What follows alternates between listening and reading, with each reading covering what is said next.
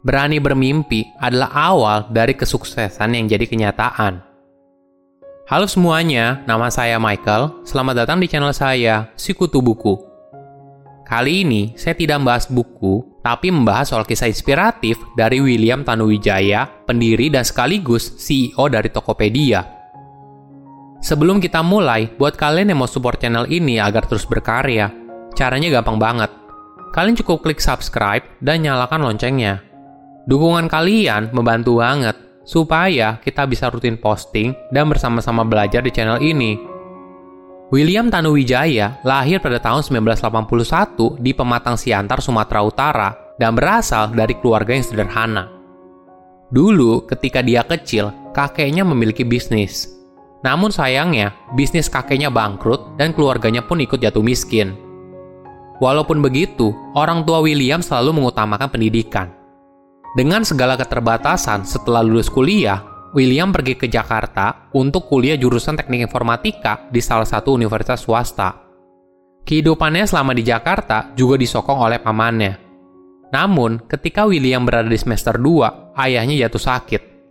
Kondisi ini membuat dia harus mencari pekerjaan sampingan untuk memenuhi kebutuhannya di Jakarta.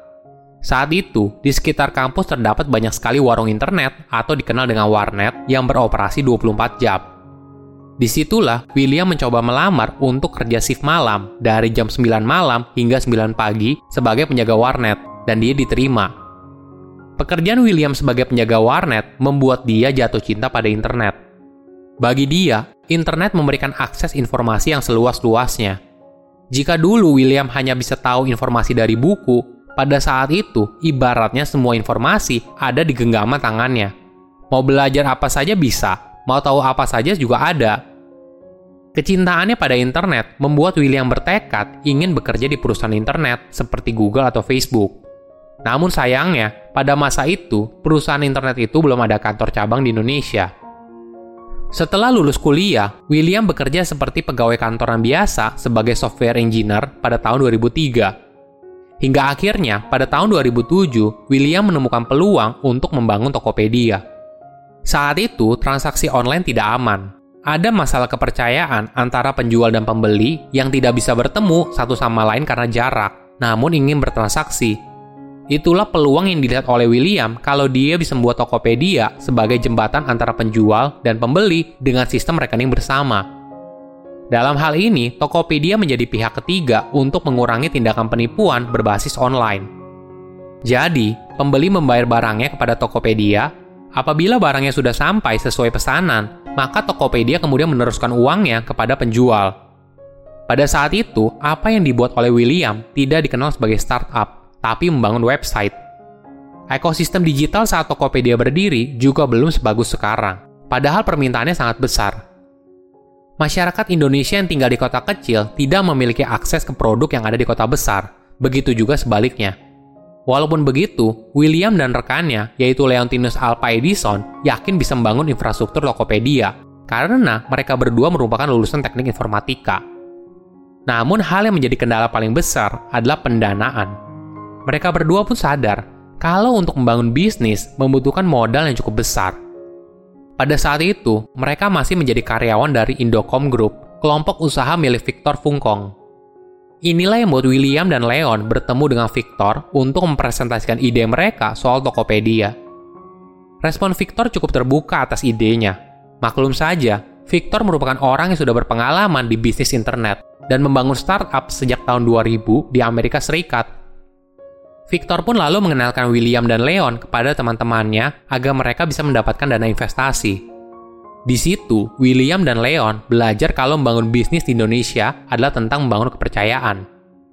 Selama dua tahun, mereka menawarkan ide Tokopedia ke orang kaya di Indonesia. Namun tidak ada satupun yang tertarik untuk investasi di Tokopedia. Ada beberapa hal yang menjadi keraguan para investor pada masa itu. Pertama, para investor bertanya, apakah ada orang Indonesia yang kaya dari bisnis internet? Tentu saja pada masa itu tidak ada. Kedua, ada ketakutan dari investor soal kompetisi. Pada dasarnya, Indonesia merupakan pasar yang menjanjikan dengan jumlah penduduk yang sangat banyak. Jika Tokopedia berhasil membuat permintaan soal belanja online, maka hal ini pasti akan buat pemain marketplace besar di dunia akan masuk ke Indonesia. Apakah Tokopedia mampu bersaing dengan mereka?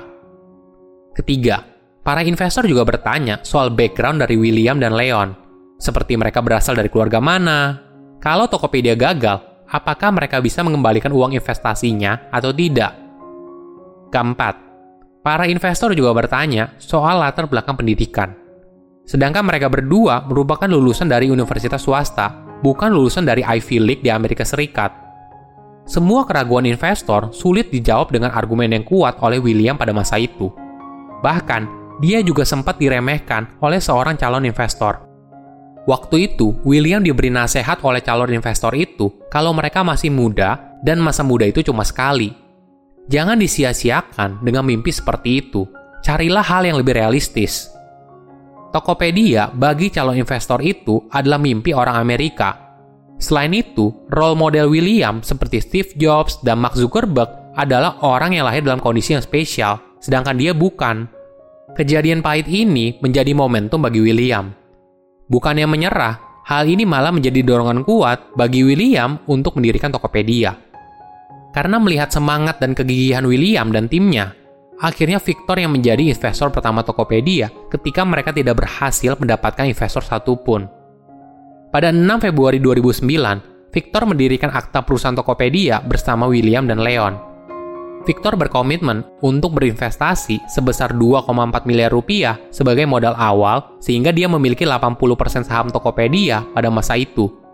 Sedangkan sisanya dimiliki oleh William dan Leon dengan presentasi masing-masing 10%. Dari situ, Tokopedia resmi berdiri dan perlahan-lahan terus meningkat hingga akhirnya menjadi marketplace lokal terbesar di Indonesia. Selama membangun bisnis, William selalu ingat dengan kalimat yang pernah diucapkan oleh Soekarno. Indonesia adalah negara yang besar, dan untuk menjadi negara yang besar, maka harus berani bermimpi. Mimpilah setinggi langit, bila engkau jatuh, maka engkau akan jatuh di antara bintang-bintang.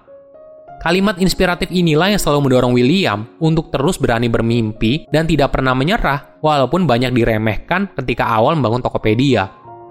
Menurut saya, kisah William mengajarkan kita pada kemampuan bermimpi dan kerja keras. Jika bermimpi saja kita tidak berani, bagaimana kita bisa menghasilkan hal besar? Sama halnya ketika kita mudah menyerah, ketika hasil tidak sesuai harapan di awal, atau ketika kita diremehkan oleh orang lain – Kekuatan mimpi inilah yang terus membuat kita terus bersemangat dan berjuang dalam mewujudkan apa yang awalnya hanya mimpi hingga menjadi kenyataan. Ada filosofi bisnis yang dipegang oleh William dalam mengembangkan Tokopedia, yaitu filosofi bambu runcing. Semua orang Indonesia untuk bermimpi tinggi harus punya semangat bermimpi dengan bambu runcing.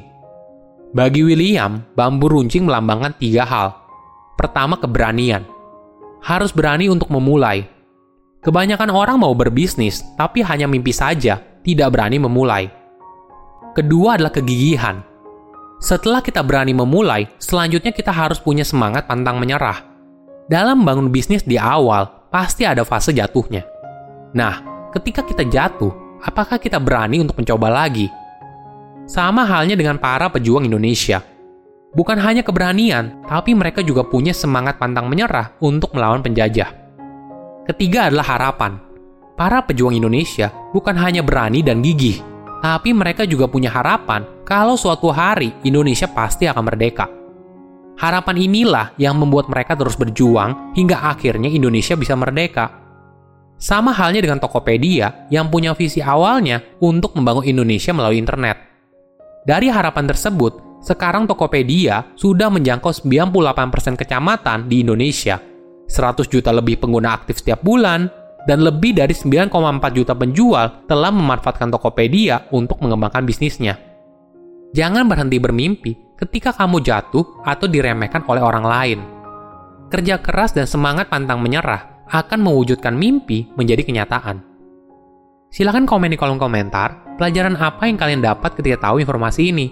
Selain itu, komen juga mau tahu informasi apa lagi yang saya review di video berikutnya.